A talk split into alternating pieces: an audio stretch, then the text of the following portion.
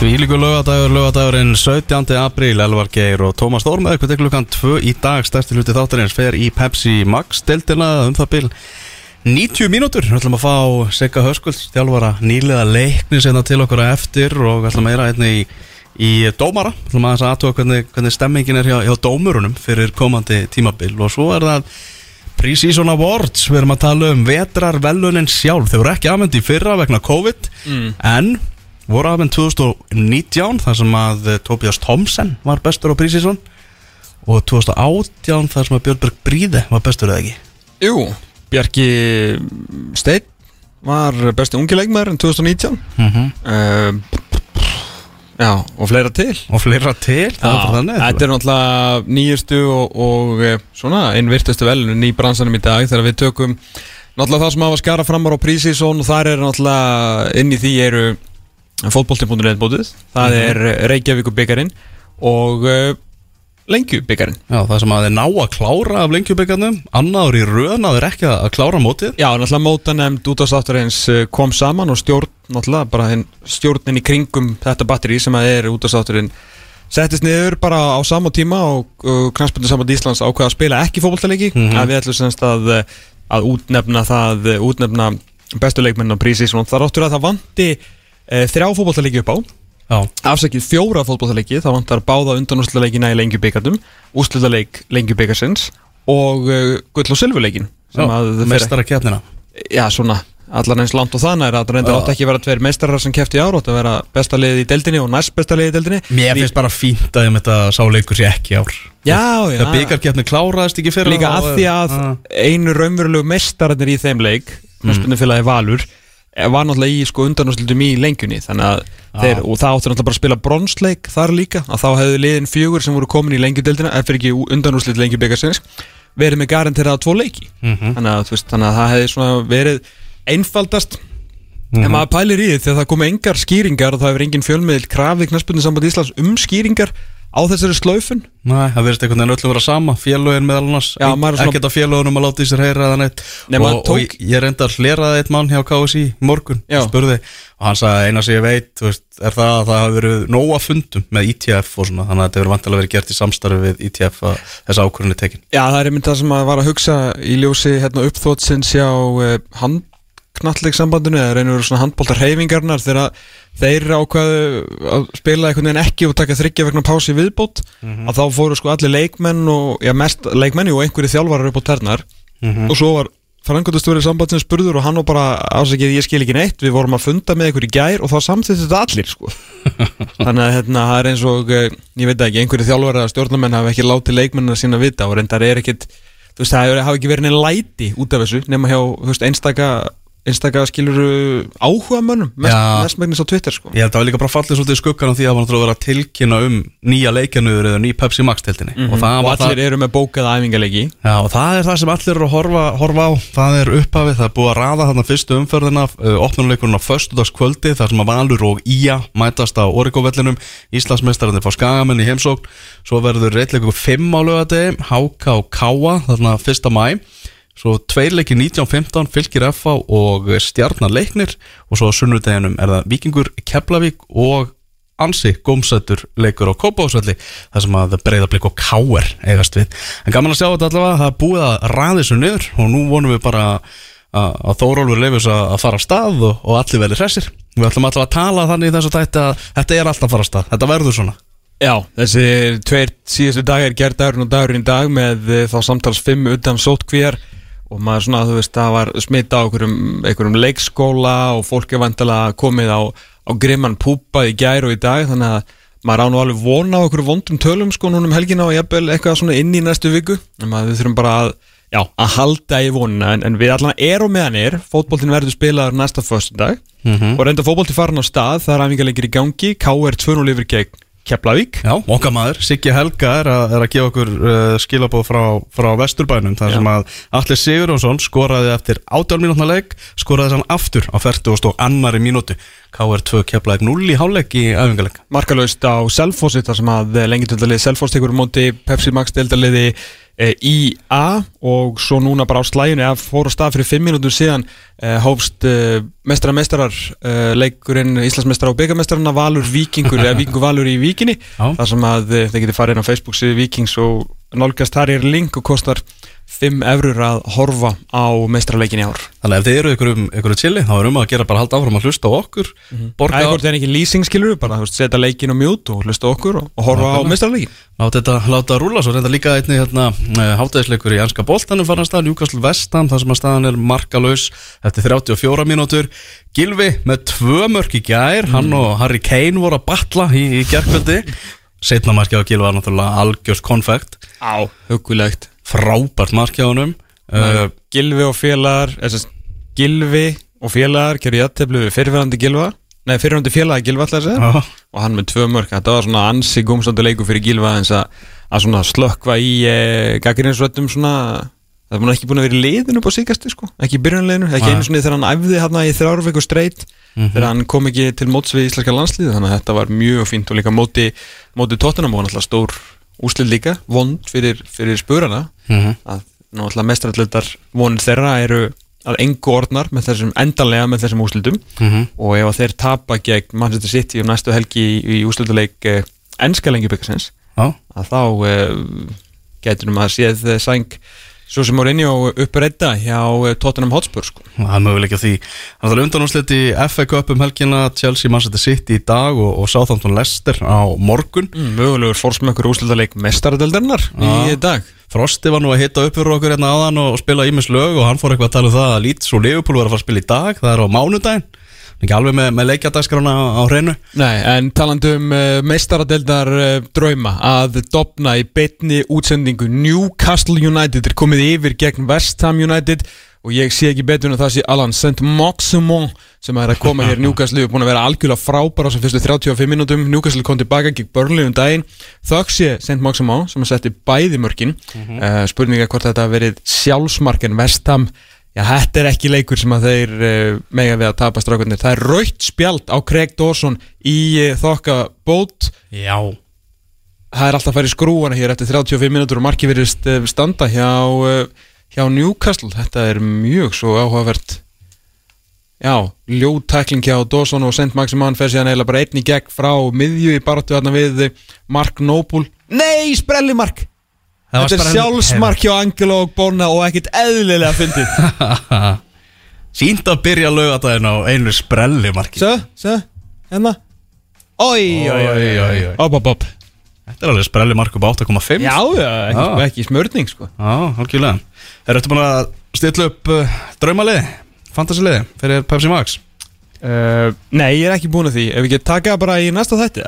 Þegar við erum að hita upp fyrir, fyrir dildina Algjörlega. Ég er búin, að? ég er búin að henda upp svona draugum að þessu sko. Já, Það er svona, þú veist, maður þarf að passa sig og láta ekki tilfinningarnar einhvern veginn spila inn í þetta sko já, sem að eh, mögulega er þinn svona mesti veikleiki Ef Já, nákvæmlega ef við getum taka, ef getum taka fantasílíðin okkar bara Jó. í næsta þætti Gerum það Bera þau saman Jó, látum Úlf henda í sitt líka Að Ekki? Jó, Jó ok. gerum eitthvað Gerum það En alltaf það er búið að opna þetta Endilega kikið inn á eigabiti at, uh, Nei, eigabiti.fóbolti.net Já, er þetta orðið of, opna alveg? eða? Já, Ok. það var klift að borða í gæri Já. á Greinivík og, Já. og þetta er bara allt eins og það á að vera sko Ég vil ránaði með þetta Þetta er Ég var, að, nei, já, ég var ekki, ég var í hvað áttundasæti hitti fyrir það Ég hérna, Ah. einhvern veginn nefndi þess ekki alveg í COVID-19 á, á síðustu liti sko. En ég átti mjög gott síðan 2019 sko. Já, Á var ég, á var ég mjög sterkur þarna. Ég er enda að tapaði á endanum eins og allir aðrir fyrir Árnilís Þránda sinni sem að nú hann kom svakalugur inn. Fantasy kongur Íslands í, í hérna í Pepsi Max. Mm En hérna, já. Uh, Það held ég Það ég, heyrðu, við ætlum að uh, bara fara að heyra í okkar fyrsta viðmælanda í dag Það er, uh, ætlum að fara aðeins að tjekka á, á, á dómarunum Engin dómar, engin leikur, segir uh, maðurinn og Egil Arnar Sigurþórsson, hann er á línunni, sætla blösaður Egil Komið í sælumblöðar. Sæðileg, sæðileg Herru, hvað segir, segir þú fyrir hönd dómara? Herru, dómara hressir í dag? Uh, já, dómarar bara helvítir þessi held ég, svona heilt yfir. Mm Mhm. Bara jafn spenntur og þið, eða svona Já, ekki Þið trú eru með því þið eru svo rosalega spenntir, við kannski náðu því ekki alveg. Já, ég, það telja óverlegt en, en svona fínt, skilu, þið fóðu alltaf að vera á vellinum Við erum bara byrst stúku Já, já, já, það passar, það passar Hvað, hérna, hvað eru Nei, dómara sko- búin að vera að gera í, í, á prísísón? Vera, hérna, hvernig búið, ykkur búið að ganga að halda dampið? Það er alltaf spurt um leikmennina en, en þið þurfum nú líka að geta, geta hlaupið eitthvað til að elda þessa stráka. Það er alveg hárétt og hérna það er rauninni svolítið svona gaman að segja frá því að ég held að dómar komi bara betur undan vetri heldur en ofta áður. Ok, og það er það er ekki COVID að þakka en eitt slíkt en við auðvitað breytum svolítið okkar nálgun og fórum að æfa svona aðeins öðruvísi æfðum í miklu minni hópum og svona og þetta, það verðist að virka bara vel. Svona, fó, þetta var svo fókuserara hjá okkur. Mm ok, ok. Þeir eru með þarna eitthvað sérstaklega þjálfara eða ekki sem að KSI skaffar ykkur Jú, við erum með þjálfara og við, það er fylst. Það er kannski svona þessi dómara heimur er kannski svona heimur sem er svona hulinn mörgum sko en það er fylst miklu betur með okkur heldur en kannski margir halda. Við þurfum að skila á hver mörgum æfingum í viku og er, við erum með fitness úr og þessi ágæti þjálfur okkar, hann horfir hérna stíft onni okkar þóltölur og hvað við hlaupum mikið og hvernig og, og allt þetta, þannig að hérna Þetta þessi leikur er auðvitað bara breyst mikið. Þetta er auðvitað orðið alltaf öðruvísi. Strákarnir og stelpundar sem er að spila leikin eru miklu betra formi og við þurfum að svona allavega að reyna að halda í þau. Mm Þarna, dómara hópurinn, það er enginn búin að leggja flautan á hilluna, er það ekki rétt að með þeirra? Þetta er bara sami hópur og, og, og í fyrra sem allavega vantalega byrjar, byrja mótið. Er þetta ekki svolítið svona eins og með leikmenn það er enginn að fara að hætta í miður COVID? Það er bara glada Já, það er orðið rétt ég held að það hafi ítt við mörgum sko að hérna, það er enginn að fara að hætta þar og nei nei þetta er bara, bara sami hópur bara kannski einu ári hérna reyndari og, og, og vonandi vonandi hérna bara betri ef, ef að það er hægt. Við þetta teljum okkur vera nálat fullkomnun. Þið er ekki alltaf alveg sammála því en hérna við gerum okkar best allavega. Já, já, gerir það allavega. Það er búið, að tala mikið um þarna var núna, varandi, varandi svona Evrópu fótboltan og náttúrulega bara síðasta helgi að ska boltanum mann sér skrautleik hvað það var, maður er að heyra svona frá mörgu sem eru bara, heyrðu, vákaði hlakka til þar íslenski boltin fyrir að byrja og, og við getum bara farið að horfa á, á varlausan fótbolta, er ekki líklegt að segja fyrir íslenski boltin að staða, þá fara menn að kalla eftir var, er ekki, er ekki þannig ringið þar í þessu? Jú, en það er ekki svolítið svona það snýst svona eins og, eins og hérna, ég held að ég get alveg tala fyrir alla dómara, það er auðvitað engin dómari sem vill vera sá sem að tekur þessa röngu ákvörðun sem að kannski veltir leika að hann vinnur eða tapast 1-0 á, okkur ákvörðun sem er eitthvað dodgy sko, vondri íslensku. Og hérna, hann að við, við svo sem auðvitað oft dómarni klórum okkur í haustum alveg eins og þið þegar við erum að horfa á ennska boltan yfir þessum ákvörðunum sem eru teknar en, en ef við erum svona samt heilt yfir þá myndi við alveg vilja nýta okkur þessa tækni í svona ákveðnum atvikum. Og hérna ég held svona, svona talandum var að þá held ég að einhverjum tímapunkti, einhver innlegging af var inn í íslenska fótbolta er eitthvað sem að við munum skoða. Mm Náttúrulega sérstaklega Já. ljósið þess að vilja alvar er bara búin að búa þetta til, við erum með íslenskt var. Já, nákvæmlega, nákvæmlega. Og þar, þar auðvitað er ákveðin laust sem að myndi henda Íslandi ágætlega. Og hérna og það er eins og ég segi, það er þessar stóru ákvarðanir sem að við viljum auðvitað hafa réttar og bara höfum ofta tíðum ekki tækifæri til þessum á vellin, við bara annarkort erum bara ekki nógu nálætt á aðvíkanum eða sjáum ekki úr réttu sjónarhóttni og það er ekki að því að, að því við höldum öðru liðinu eða séum að reyna að vera léli, það er bara og okkur er bara mannlega, sko, það bara gengur ekki upp sko, bara okkur mannlegi kraftur og næri ekki utanum það. Og það er auðvitað væri alveg til í að Mm. Uh, hérna, nú náttúrulega eru hefur dómara svona hópurinn yngst svolítið, hratt og það er náttúrulega bara eins og með öll fótboltalið sem er gangi gegnum svona transition periodu í, í hérna og, og hérna, hvað heitir þetta kynnslóða skipti sem að einhvern veginn mikið náttúrulega rættum með landsliðin okkar uh, náttúrulega, já, bara ungir menna á, á uppleið en, en gera sín mistök og, og allt það, hvernig svona, þú veist að þið náttúrulega mikið tala um það að þið komið ekkert fram og, og talið um já, það sem að kannski aðrir telja sér mistök og stundum mikil mistök, en svona hvernig hvernig tæklið þetta með bara þessum, þessum ungu strákum þegar þeir eru stundum alveg augljóslega að gera bara herfileg mistök, bara eins og allir leikmenn gera sko. Já, ég held, að, ég held að það hafi kannski ekkit endilega, ég skil hvað þetta meina, ég held að það hafi ekkit endilega með aldrun að gera, við gerum þetta allir mistök og alveg sama, Já, veist, ef L.A. Eiríks gerir ykkur mistök þá bara tekur hann á kassan, hann er búin að þetta er 30 ára á bakinu sko, en, en þessi nýju strákar, veist, sjó kannski er að horfa á Pepsi mörkin eða hlusta okkur og við erum bara, þú veist, bara aflífað á, sko, þetta er er já. ekkit grín Nei, nei, það er alveg hárétt og hérna, það er auðvitað, hefur auðvitað breyst rosalega mikið og kannski einhver, einhver leiti með tilkomu ykkar og, og, og hérna samfélagsmiðla og svona umræðan um dómar og, og, og atvik sem snerta dómar en er miklu svona, ef að segja hún sé svona harðari, hún er svona... Hún er oft mjög óvægin, sko. Já, hún líka kannski oft svolítið svona, hún er, hún er fókusur á personur, oft meira heldur en einhvern, einhvern svona embætismannin dómara. Já, get, já. Og hérna, það er, svona, það er allavega svona tilfinningin og hérna, en hjá okkur er þetta kannski svolítið þannig að við reynum auðvitað bara að halda svolítið fjett hópin, ég veit að út af því kemur þetta oft út þannig að já, þú auðvitað dómar og auðvitað myndur verið allar ákvarðinni dómara, en svona inn í hópnum okkar, þá auðvitað reynum við að skoða þessi atvík, við reynum að við, við skiptum, það rúlar á mitti okkar, e, videoklippur af atvíkum og við reynum að horfa svolítið í það og, og reyna að sjá þú veist, þetta eru mistök, en við reynum líka kannski svona nálgast að svolítið þannig við gerðum mistök en af hverju komu þessi mistök? Og getum, við, gert, gert þessa hluti öðruvísi til þess að þetta verði ekki mistök aftur? Já. það er svona raunin alltaf okkar, okkar punktur í þessu, okkar út, útgangspunktur.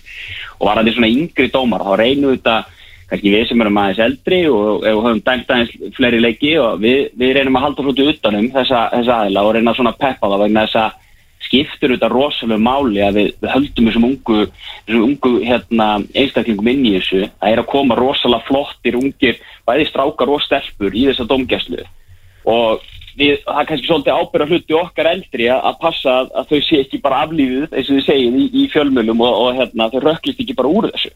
Já, nei, einmitt, einmitt, einmitt.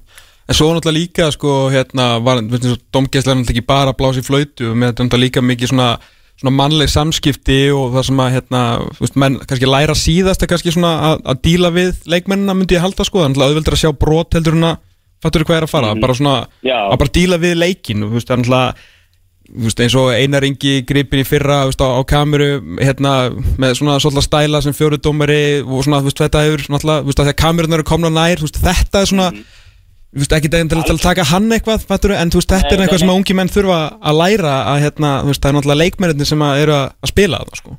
Algjörlega. Og líka bara eins og, eins og við þekkjum alveg hérna, það er allt annað bara að standa í, sem sagt, í svona þessum, þessum mannlega þætti ef þú ert tvítur eða færtur að hérna bara, bara svona vera að koma með ef við getum talað um þessa lífsreynslu og hún hjálpar þau rosalega mikið í dómgæslu. Bara svona hafa einhvern veginn séð, séð eitt og annað í lífinu. Og það, það kannski ekki líka verður til þess að ofta tíðum eru sko bestu ár dómana sem eru kannski 35 ára pluss þegar leikmenn er að leggja skona á hilluna þá er einhvern veginn þá er dómari komið með þá leiki og lífsreynslu undir beltið að, hann er að, þetta fyrir að vera svona prime time fyrir hann. Já, þú sér það með, með, og með Pétur Löggu að þó maður sé ekki alltaf sammála hver einasta flautans, þá lendir hann aldrei ykkur, þú veist, það lendir aldrei ykkur stappi, það er bara kassin út og þú veist, þá fer ekki neitt lengra.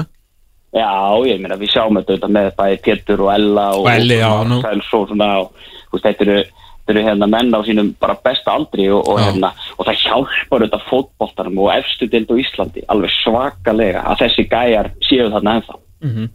Já, Það er því að við getum alveg auðvitað hort á þá sviðsmynd ef við tækjum út þessi elstu dómara. Mhm. að við, við viljum hafa balans í þessu, við viljum hafa þetta alveg frá bara 25 og upp úr sko, því að þetta líka gefur okkur menna yngri mennitir, þeir sparku þetta líka í rassin á okkur sem erum aðeins eldri. Veist, þeir, þeir hérna, við þurfum að hlaupa aðeins hraða til að halda í við á æfingum, það er ekkit leindamál sko, Nei, nei, nei, en að móti að þá komum við kannski með svona aðeins svona, svona balanserara svona lífs, eh, svona hvað ég að segja, lífsreynslu inn í þetta. Já, hérna, eitt sem langar að spyrja um, hérna, nú höfum við elva báði verið að horfa aðeins á hérna UEFA þættina um, um dómarna þar sem að vera að fjalla um lífið þeirra og, og í leiku starfi og þetta var gert hérna heima líka aðeins. En það sem að mann finnst langt skemmtilegast í því er að heyra hvað framfer inn á vellinum. Að, að þetta er svona að því að þú veist eins og þegar ég á með handbóltan inn á stöttu sport þá fengum við, þú veist, vorum með mækaða dómara og maður komst nær þeim, maður sér í körfunni maður sér þetta svona svolítið út um allt en fótbóltin virðist vera rosa ósnertanlegur þegar kemur að þessu en, en svona horfandi á þessa leiki, maður fengi bara veist, ég veit alveg að Björn Kæpes er stórkoslu dómari en að heyra hvað hann er að segja og hvernig hann er að díla við þessa gæja og hvernig hann er að útskýra eh, hlutina oft í, í svona í resa leikjum svona, og, og, og fleiri náttúrulega allir sem eru mækaðir í þessum þætti og maður bara er bara já ok, veist, þetta er aðeins öðruvið sem maður heldur, veist, er þetta ekkert sem að þið þurfið, ég er ekki að tala um að vera eitthvað mækaðir í hverjum leik en svona kannski gefa út einhver, ég veit ekki myndbönd svona hér og þar og, og svona aðeins að sína hvað þið eru að gera en sko, er, er ekki hérna erum við ekki bara svo rosalega brendir af, af hérna, leiknum upp á skaga hérna, Ja, þetta er hvað er komið 20 ár sko. Nei, 30 ár sko. Það er góðið 30 heldur, 30 plus sko. Nei, ég meina þið, þið eru hvort þið með, þú veist, Indicom sko. Ég bara tala um ef það er eitthvað veist, sem er verið að fara yfir í sjónvarpið eitthvað bara svona sína það frá, veist, ykkar hlið eitthvað Já, jú, auðvitað og ég, ég er alveg sammálar og ég held að þetta sé alveg umræð og þetta er umræð þetta sem á sér stað í okkar hópi að því að, að, því að við auðvitað erum bara tökum þátt í þessu samfélagi alveg eins og þið og, og hérna verðum varið við þessu umræð og svona. Ég get alveg sagt ykkur og þetta kannski fyrir okkur dómarana þá fyrir svona mest í taugarnar okkur eða við svona stundu verðum svolítið fói það er auðvitað í öllum þessu þáttum þegar sko þegar allir álitskjáðanir er, er að gefa ykkur álit og aðtökum sem er bara hitt besta mál. Já, já. en, en menn kunna ekki reglum og menn kannski er að segja veist, þessi, þessi hérna, setning sem maður heyrir oft hjá álitskjöfum sko, jú, getur vel verið að þetta sé aukaspilna en mér finnst Já, mér finnst þetta Það er algengast að dómar umræða Mér finnst þetta hendi Já, ok. hérna, Gott er mál. menn auðvitað bara að snúa sér oft og tíum sko bara eitthvað annað en til okkar af því að við fáum bara einhverja reglubók og sagt til okkur, herðu, reyndu nú að túlka þetta eins vel og getur og dæmdu eftir þessu hérna Já, já, og já þannig að þú veist þessi, þessi rög sko mér finnst ég, menna, ég get alveg sagt ykkur alveg hreint út að fullt af hlutum í fótbolta sem að mér finnst að þetta vera öðruvísi. Mhm. að ég bara hef ekkert valum það. Nei, það nei, er bara sagt við mig, gjör svo vel hér eru reglur og dæmdu eftir þeim. Þetta væri þannig að það bara er svona kannski þetta en ég er alveg sammála því að ofta tíðum koma dómarar að ósegju að mínum mati út sem svona einhverjir hrókafulli gæjar sem maður er ekkert að tala við maður fær engar útskýringar maður veit ekkert hvað þeir eru að gera þeir hlaupa bara að num, veifandi gulum og rauðum spjöldum og svo lappa þeir bara út af og segja ekki orð sko. mm. þannig, þannig held ég svona allavega að ímyndin okkur er stundum í fjölminu Já, e, það væri kannski samt, sko, þú bendir rétt á Tómas að það væri kannski svolítið gaman fyrir marga að sjá hvernig hvað dómaralífið er svona bak við tjöldi en þess að samskiptu okkar við leikmenn og þjálfara eru held ég oft og tíðum allt öðruvísi heldur fólk ímynda sér. Mhm. Já, ekki, ekki spurning sko veist, við, við sem hefur verið á, veist, nánast tómum öllum menna ég og Elvar er búin að sjá svona 8.000 prísis og leiki kannski einir í stúkunni og við basically heyrum hvað fyrir fram og maður er bara svona, ok, þú veist, oft er þetta bara mjög bara gott spjall mann á minni, mann á milli, sko. Já, já, þetta er eitthvað bara við búum í svo litlu landi og þetta er í rauninni svo fáið dómarar og fá fjölug að manni líður stundum eins og maður sé alltaf að dæma hjá sömu gæjónum sko, eða sömu stelpunum. Þú veist, þetta er bara, og það er svona, þetta, þetta maður er búin að dæma þrjá leiki hjá liðanum og þá er þetta, menn er alveg hættir að segja dómari. Það er bara eigil, eigil hvað, hvað er þetta? maður er sjálfur farin að svara sko á svona fornafna hérna grunni ef maður getum orðað sér svo. Þannig að þú veist, þetta er, þetta er svo lítill og fröngur heimur að mörgu leiti við, við, við þekkjumst ég ætla ekki að segja við þekkjumst sko persónlega en við þekkjumst í okkar hlutverkum í rauninni mjög vel bara eftir nokkra leiki þannig séð. Já, já og auðvitað læra leikmenn á okkur og við lærum á leikmenn og svona og, og svo er þetta svona þetta triks að reyna að núlstilla sig fyrir leik og hérna mæta með svona bara óskrifaða bók í leikin það er svolítið svona hérna, það sem við þurfum svolítið að einbetta okkur að. Mhm. Hérna, annað mál uh, ég bara, kannski fór þetta eitthvað frá mér ég man bara eitthvað í fyrra voru þið hérna á einhverjum, einhverjum stað í samninga verið með KSI, man bara dettur í huga að það hefði eitthvað farið í skrúuna bara út af, út af COVID hérna eru, þú veist, er dómarafélagið með, þú veist, er fastu samningur nú með knarspöðsambandið? Heyri, við erum bara, við erum að klára samning bara akkurat núna. Ok. og hérna, þannig að það er bara allt og Íslandsmótum er ekki stoppa okkur. Það, ég get alveg, hérna, ég get votta það. Ok, um, en í þessu COVID-dæmi bara, ég, ég, það er ekkit leyndamál ég er kannski, er kannski fyrstu með það fréttir en, en hérna eins og í fyrra þá við dómara tókum alveg þátt í þessu eins og allir aðrir og tókum bara til að mynda á okkur mjög, mjög ríflega launalækkun í fyrra sömur ok. Og hérna síndum svona að okkur fann samfélagslega ábyrð í því. Og hann að við erum svona það, það var ákveðið þá að semja upp og nýtt núna og það er bara ég voru að segja að það sé svona samningur það sem verður að reyna að ná okkur um balans fyrir launalækkun. Og hérna að því að þetta horfum við öll svo, svolítið björtum augum á framtíðina og vonum að nú verður bara ekkert stopp og áfram gakk og, og hérna við getum bara klára hérna sísón í, í sömar sem verður skemmtilegt fyrir okkur öll Já, já. Hvað hérna þegar að vera, vera aðeins að ræðum hérna stækkun á, á deildinni hvað hérna hafðu þið einhverjar skoðunur á því að því oft var svona að tala svolítið fyrir ykkur sko, þú veist eins og í 14-lega deild að við værum kannski ekki með mannski að býða og, og hvað þá með þú veist 33 árum fyrir eitthvað slíkt hefur þú einhverjar skoðun á því eða? Nei, við, við kannski við auðvitað bara erum kannski eins og leikmenn að því leiti sko, við viljum auðvitað bara spila sagt, við kannski spilum ekki fótbolta en við viljum auðvitað bara fleiri leiki og, hérna stækka deildina og, og það er bara okk, við erum alveg, alveg hérna, með í þeim bát en svona almennt í þessu svona móta svoleiðis, þá sér KSC alveg um það og, og dómara nefndinu eins og, eins og þið vitið, þetta er skipuð fyrirverandi dómurum sem hafa mikla þekkingu á þessu og það er kannski raunni þeir sem að, eða þau fyrir ekki sem að hérna, koma okkar skoðunum á framfæri í þessu. Já, um, en svona, en svona, svona sko, grunnreglan í þessu er svo að við erum ekki að hafa ómikla skoðanir á því bara hvernig þetta er allt saman. Okkur er svolítið sagt bara hvað við erum að mæta og eftir hvað reglum við erum að dæma og þannig á það er raun að vera. Einmitt, einmitt, einmitt. Super duper, eðlan að takk kjalla fyrir eh, spjallið og bara vonandi, vonandi fer þetta alltaf stað á föstu daginn eins og, eins og búið er að búið er að plana Já, það ekki, verðum við ekki að hérna, stefna bara allan að því og hérna, þetta verður ég segi bara hérna, gleðilegt sumar, gleðilegt fótboltasumar. Heldur betur, heldur betur. Takk sem leðis takk Bye bye Já, byggarinn á að fara af stað eftir, eftir á föstudaginn eftir viku og Pepsi Max dildin eftir tvær vikur. Það, er bara, það er bara tvær vikur. Já. þá byrjar, byrjar stuðið, heyrðu, Newcastle 2 Vestham 0, það er háleikur og uh, auðmingi að David Moyes. Bæði mörkin, sprelli mörk Já, fyrra markið eh, sjálfsmark eh, og sko úr efstu hillu frá Angelo Bona náðu einhvern veginn að setja inn með hælnum í staðin fyrir þess að reynsa boltan burt og síðan hortspilna sem að Lukas Fabianski sá hann hans frábæri markverður misti bara beint fyrir fætur Joe Ellington sem að skoraði og ekki nóg með það þá var Vestam líka manni færri, tveim mörgum undir setni í hálingin sem að þýðir að þetta eru ansi góð tíðindi fyrir liðið eins og Chelsea og Liverpool og reynda líka Leicester. Heldur betur. Siggi Höskulds, hann er komin í hús, segirum og honum eftir smástund. Það held ég áfram eftir fótbolti.net hér á X977 á eftir, þá er komið að því að velja eh, besta leikmann undirbúningstímabilsins, það eru vetrar velunin sem verða á dagskráni en eh, gestur þáttarins er komin hingað í hús, það er Sigurður Heiðar Höskuldsson þjálfari leiknismanna, velkomin Siggi. Takk alveg fyrir. Herðu eftir viku þá verður bara eftir viku og, og nokkra klukkutíma þá verður það bara Garðabærin fyrsta umferði í Pepsi Max nei, tvær vikur og, og nokkra uh, held að byggarinn þá er náttúrulega eftir viku. Þetta er tvær vikur og nokkra klukkutíma. Þá verður Garðabærin stjarnan leiknir ekki gaman að vera já bara þessi komið að sjá planið komið inn á, inn á KSI Jú, virkilega, virkilega. Um, Það var svona Það var svona búin að heyra af þessu að þetta er þið lendingin mm svona í einhverju um, í einhverju mynd þannig að virkilega gott að sjá þetta á blæðu og bara þvílík spenna hversu, hversu mikil er veist, spenna núna? Og finnur það, er hún orðin áþreifanlega á, á strákonu einum?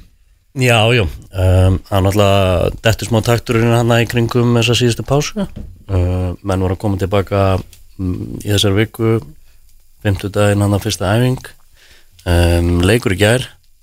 Og maður finnir svona smá rið í mönnum, svona grínlaust að mm þetta var svona já, rið og, og ég veit ekki, við vorum með svona blöndu lið í gær, spiluðum tvo hálfleika og, og blöndu lið, það var svona lítill taktur í þessu en, en ekkert sem við varum á að gera.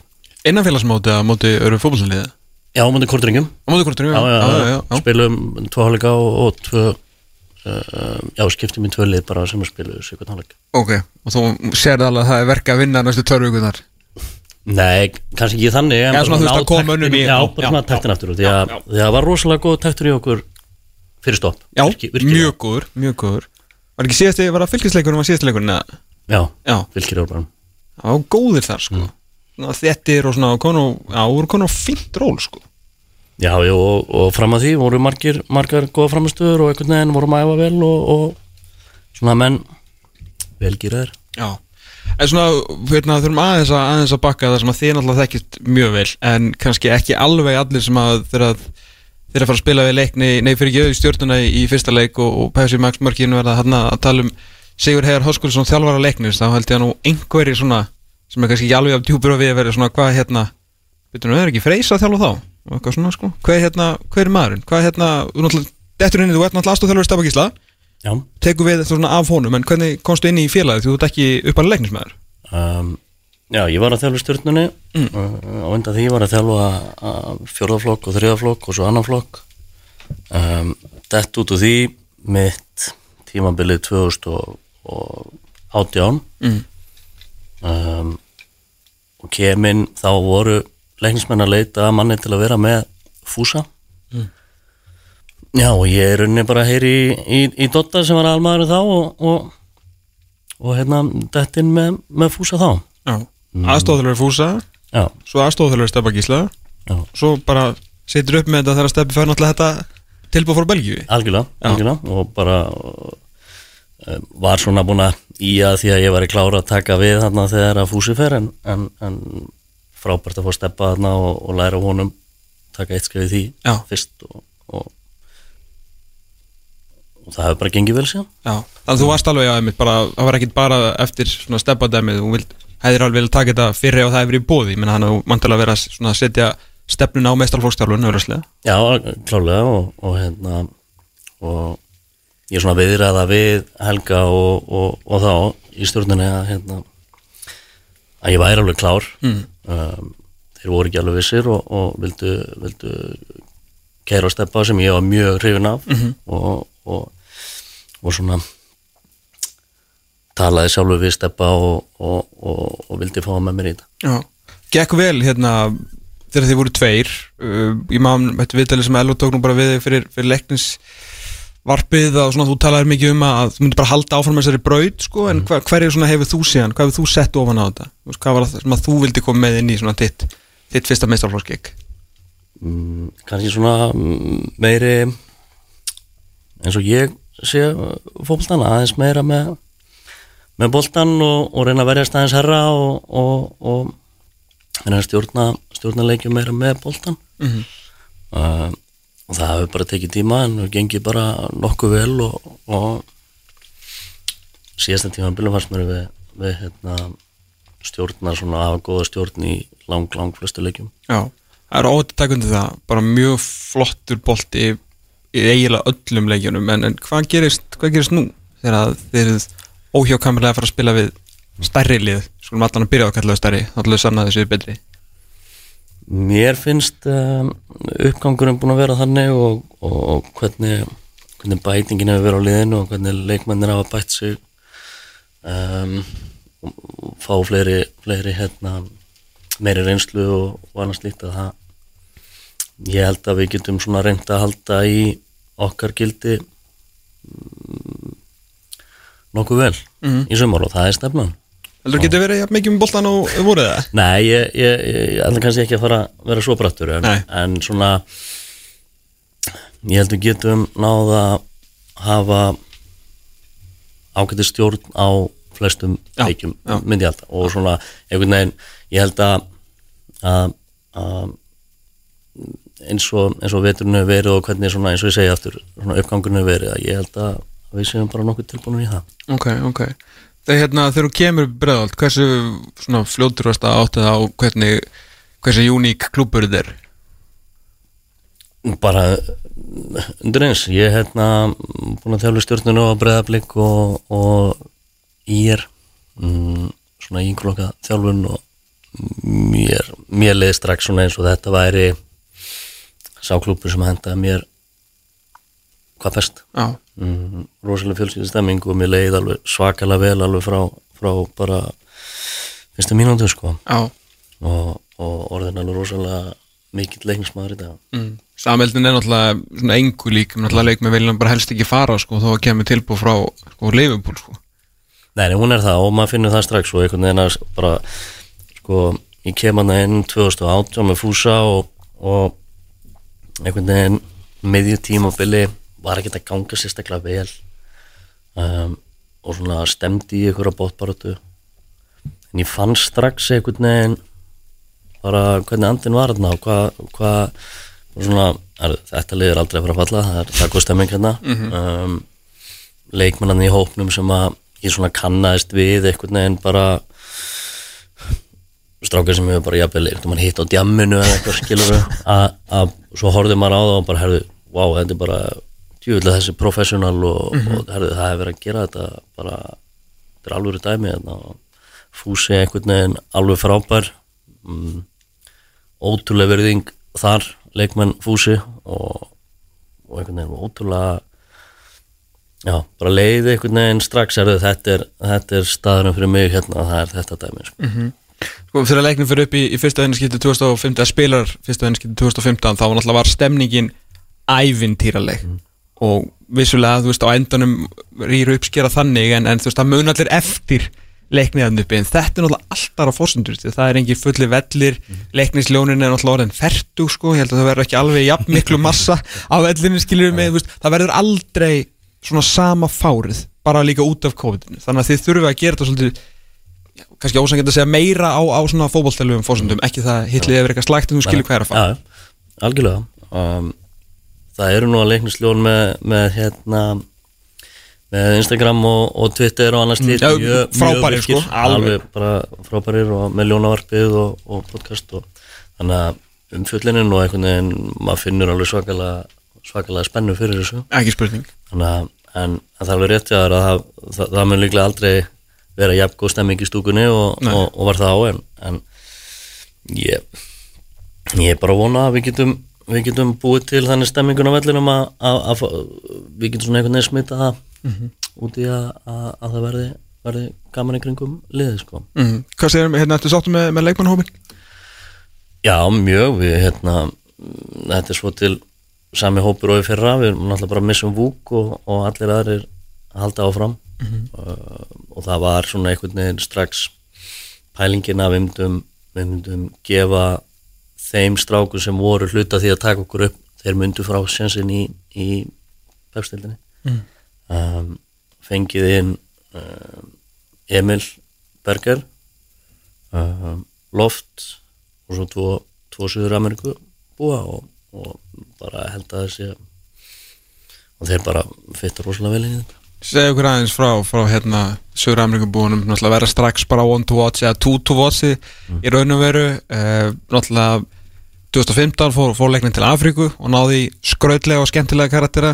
Nú er það Söður Amerika uh, hverjir er þetta og uh, hvað er að fara að gera fyrir þig og ykkur? Um, annar er frá Venezuela Octavio. Mm. hann er svona mm, miðjumæður teknísku miðjumæður sem að hérna, ungur 21 árs. Um, ekki hugsaður beint sem einhver líkil maður hjá okkur. Ok, um, brótu bleiki eitthvað sluð Já. Já. og um, svona ekki einhvern veginn pressa á að hann hoppi beintin í lið og gera eitthvað. Skilur við muni gefa hann tíma og, og, og hérna og hann lítur bara mjög vel út.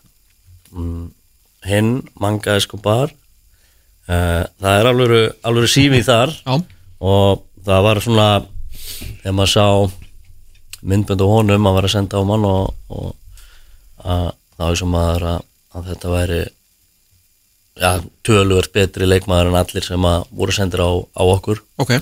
Um, en leit út fyrir að þetta væri ekki séns þá til bara fyrir einum hálfu mánu eða eitthvað þá, þá komið ljósa að þetta var séns og, og, og, og þá voru við bara það spöndir að við gerðum á þetta. Mm. vissulega smá gambúl upp á það að hann langt síðan að spila því uh, nýju til tíu mánuður síðan að spila fókbaltileik Ok, um, en að við hugsaum í svona leikmanni að það var eiginlega ekki hægt að sleppa þessu.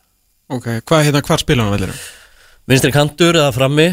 Hann er svona replacement fyrir Vúk. já, klárt, klárt. Já, já, og að hugsaður það og, og, og hérna fljótur og tekniskur og, og með svona ákveðfler sem, sem við erum svolítið spenntið fyrir Já, maður heyrði það eitthvað um svona mjög áhugaverðum svona klæðaburði og svona skó með vangjum og svona, þetta er eitthvað, þetta er eitthvað alvöru Já, já, þetta er, þetta er, alveg, þetta er alveg töffari sko Já, og, og, geggjað.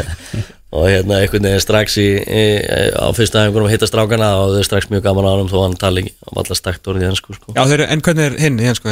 Hinn er bara frábær í ennsku, þannig að svona bara góð blanda. Ok, hvað er hérna, er þetta bara, þú veist, hérna hæmanni með sem manga, þú veist, can I come play? Eða þú veist, er þetta, þú veist, alvöru görr á bakvið og þú veist, þannig, þú veist, bara svona, hvernig farið á, þú veist, hvernig nálgast það Já, þú veist, en- eins og ég segi, Octavio tala bara fullkomna ennsku svo til. Og er þetta bara umbar sem er að senda, Já, já, já, basically sko. Ok, komist í samband við, við tvo stráka bara í gegnum, gegnum önnur samband og, og, og hérna flotti strákar sem voru að finna þessa leikmann fyrir okkur. Að Þetta verður væga, það er spennandi að fylgja líka bara hvernig þeir aðlaðast lífinu sko, þegar sögur Ameríkumenn hafa ekki þeir hafa ekki dvalið lengi hérna hinga til sko. Nei, ótrúlegt að veiturinn alltaf búin að vera frábær svo um leið og þeir lenda þá kom í einu bara eins og grínlaust, þetta var bara fáran Það er þetta frábær punktur. og bara umurlegt veður síðan lendu þetta sko. Þannig að Kolumbíumaður hann er svolítið hissa á þessu ég var búin að tala við hann um að, um að væri eiginlega komið sumar sko, í lok, lokmars sko. All Night Sun, Blue Lagoon já, já, svo bara snjóaði upp á dagana fyrstu tíu dagana og hann fasturinn á herbyggi og þetta var alveg agalegt sko. Ok, hann að manga svona ef að hann eh, Hvað er það manga eða Escobar? Manga. Er manga, ok, ok. Er það eitthvað út af Það nafna hans eða er það bara Ég hef ekki hugmynd sko, það er bara eitthvað neiknum í honum en Ok. Ok, þannig að ef hann svona kemst í gegn næstu tvær vikur þá er þetta bara startir hér Já, já, það þarf aðeins að vinna í standin á honum og, og hérna en, en jú, hann, hann er hort á hann sem, sem einna leikimönnum Já, það er náttúrulega einu maður sem missir svona de facto er náttúrulega fúk Óskar Dimitrevits sem að hérna ætlar að spreita sig með e, fimmleikafélagi Hafnumferðar hérna náttúrulega frábæra síðustu leiti og náttúrulega bara einn af mest spennandi ungu leikmönnum í, í deildinni. E, hvað hérna, hvernig heldur honum muni vegna? Hvað svona, hvað getur hann, hvað sér í framtíðinni hjá, hjá honum? Það er nú mjög bjarta framtíð. Uh, eitt svo allra hefileikar ríkasti sem ég hef séð og komast í tæri við um, tempói sem hann getur spilað á er, er, er tempó sem, að, sem að er spilað annar staðar enn á Íslandi. Ok, þannig að það er svona það sem ég sé í, í framtíðin hans um, hann þarf að, að stilla hausinn bara rétt og, og, og, og þá er þetta bara virkilega björt framtíð svo var náttúrulega svona félagaskipt að saga síðustu veikna var náttúrulega að, uh, þetta þíska transfer á uh, Sævar Allar Magnúsinni mm. það er ekki oft sem við, við erum alltaf, ég síðast í gær hefur verið mm. að tala við einhvern að segja að þetta er fáránlegt hérna, þjóðverið er alltaf búin að fá leikmann hérna fram í tíman og við erum nú ekki oft sem við sáum þetta. Að leikmann spilar heilt sísón fyrir eitt lið, vitandi hann að fara annað. En það er kannski góða er að fyrir utan að vera mjög góður í fótbolta, þá er þetta svona einn af þeim meira helstiftari sem að maður svona hefur komist í tæri við ekki? Jú, al algjörlega, ég held að þetta hafi ekki neina áhrif og, og hérna bara mögulega betra að hann viti viti hvað býður hans eftir, eftir tímanbilið því að ég hef svona búin að segja við, við Sævar að, að þetta er ég myndi ekki einu svona vilja hafa hann í leikni meira en þetta tímanbilið því að hann var komin á, á, á annan stað eftir tímanbilið heldur en að vera í leikni Já, varstu miklum díalógu við hann, veist, í, þegar þetta var að gerast þetta er óneitanlega, þó hann sé frábár alltaf þá er þetta óneitanlega svolítið, þetta er allavega nýtt skulum nota það orð. Já, já, við töluðum mikið saman um þetta og, og, og ég svona já, rættum þetta fram og tilbaka og, og en inn í enda var þetta náttúrulega bara hans ákvörun og mm -hmm. hvert það myndi fara og, og, við stiðjum hana bara og erum ánægði með, með þetta hjá honum. Já, Já þetta verður mjög, mjög áhugavert að sjá. Hérna, svona undirbúinist við náttúrulega erum að fara inn í, inn í deildinu núna, bara svona kannski al, aðeins almennt um hana. Á, hvern, á hvaða lið líst þér best þarna svona uppi? Af því sem að þú hefur séð. Já, það sem ég hef séð í vetur og þá, hafa blikandi verið lang, lang, lang bestir að minnum að Mm. mm, Við mættum þeim í februar og það var sem er þið bara gjössanlega klárir í mót, það var eins og að mæta bara liði á, á, á miðjursísoni sko. Mhm. um, og þeir eiginlega stuðu okkur bara þar frá, frá fyrstu myndu um, en svo eru nú alltaf liði núna bara að, að komin í gýrin og Káir komin í gýrin aðeins meira. Við mættum hann í februar og, og þá voru þeir einhvern veginn svona bara að byrja basically sko og, og, og hérna á mjög skrítilegur uh, svo allt í nýr þeir dóttur í gýrin og allt í nýr til alls líklegir og, og svo eru valsarandi bara, bara hérna náttúrulega með rosalega mannskap og, og líta mjög vel út líka. Kannski smá einskot með, með Káir að, að það endaði 3-0 hjá, hjá þeim. Uh, samkvæmt skýrslu Sigga Helga þá uh, dæmdi Bövelin frábærlega í, í leiknum. En, það var, en það var Óskar Örn Haugsson sem skoraði sjálfsögðu þriðja markið. Allir síðan sem með fyrr- fyrri tvö. Óskar Örn Haugsson er náttúrulega búin að vera stórkostlegur á prísisson Algjörlega, algjörlega. Og er ekki mjög líklegt að hann veri kannski einn á sjö bestu hjá okkur og sömulegis er Íþróttabandalega Agarnes og komast í 2-1 gegn eh, Selfossi á 88. mínútu þar.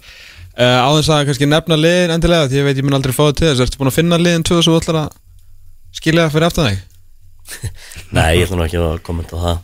Mm, en veistu hverju eru? Nei, Nei? ég veit það ekki sko. Nei. En ég er alveg með nokkur í huga. Já, nákvæmlega, nákvæmlega En það verður mikið stuð, tvær vikur tvær vikur í, þessa, í þetta uh, þetta stuð, hvernig er svona ertu bjart sín á að þetta bara rúla stað eftir réttum tíma núna eða? Hvernig er svona, er ekki óþægilegt að vera með þetta svona einhvern veginn yfir sér fá alltaf tölurnar klukkan 11, hvað eru mörg smitt utan sótkvíjar og, og þó er Ólfur hótandi því að, að setja allt í, í lásaftur og, og allt það Jú, ég, ég, ég er bara ekki þannig, ég re- reyni bara að vera ekkert að pæla í því bara, bara hérna, horfa bara á, á næsta dag og næsta æfingu og, og, og svona einhvern veginn horfa bara á leikjaplanið eins og það er núna og, og þannig verður það bara í haustum á mér sko. Mhm. þannig að bara spenna á eftirvætning mm Hvernig verða þessar síðustu tvær vikur fyrir, fyrir mót? um, Það er bara einhvern veginn uh, ná takti aftur uh, fínpúsa það sem við getum fínpúsa Mm -hmm. uh, spilum tóleiki viðbót á móti HK á, á, á þriðdægin og, og svo hefum við tvöfaldan leik á lögadeginum móti FH og, og IA Hvernig virka það? Uh, Við erum alltaf bara með stóran hóp Ok, ok og, og ég horfa á þannig að, að síðasti leiku fyrir mót ég vil að menn spili 90 mínútur en ekki 60 Já. og, og þannig að er bara tíu menn sem tala, taka vonandi 90 mínútur bara á móti FH og svo aðrir, aðrir 10-90 svo til á móti IA bentu eftir sko. Hvað fyrir fótbolta veistla Já. upp í bregðall Já, bara bind Ok 10-0 Karneval. og, og, og 12-30 sko Það verður náttúrulega bara fótboltafestival í allt sumar upp í, upp í breiðaldi, Pepsi Max deildin og, og lengjudeildin hann bara í hverju viku sko. Já, nákvæmlega með greiði hérna breytana sem að dutt um boltana Það er alveg voru heldur ofnir Það er myndir sem lenda í hér maður. Nýjum mættir og strax að lenda í æfintyrum sko. Það er ekki gaman að þessu Herri, já, við vonum alltaf bara, hvað sér, þriðudag og lögadag já, Það eru leikir og sá kemur hvað að taka sjöta sem sagt á æfingum árunni detti inn í stjórnuna Nákvæmlega. Þetta er allt Þetta er allt saman að rúla stað. Erum við ekki bara afskaplega gaman að fá þig. Takk fyrir komina Þátturinn heldur áfram, við erum að fara í vetrar velunin sjálf hér og eftir. Svo erum við eftir hérna að, að heyra í Mikael Marino Rivera sem er harður stuðnismæður Real Madrid, eh, mesta spennan í Evrópu, hún er á Spáni. Mm, En vetravelunin 2021 hér eftir augnablík Þú ert að hlusta á fótbolti.net á exinu 977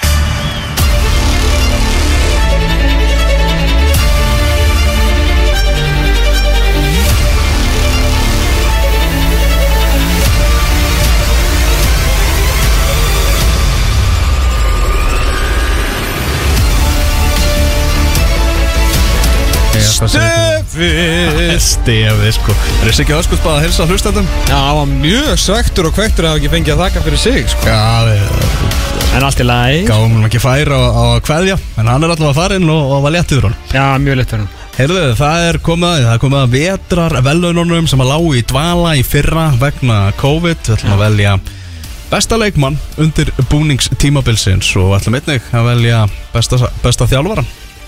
Það er bara þannig. Já, Ef við ekki að byrja bara á því það að eru ekki með besti ungi líka Já, Jú, kannski jú, segi jú, segi jú. sér svolítið sjálft Þannig held ég á þessu lista sko. hendum í, hendum í En þrátt fyrir það að eh, KSI Það hefur verið að trífa sér upp í sumbústa Og slaufað undirbúinist tímbilinu Svona formlega Og þá ætlum við samt sem áður Að fara í vetravelin í ár Það vantaði bara fjóra leiki upp á Já, það er nefnilega þannig. Herru, ég hérna Hvað er alltaf að taka leikmennina sjö eða?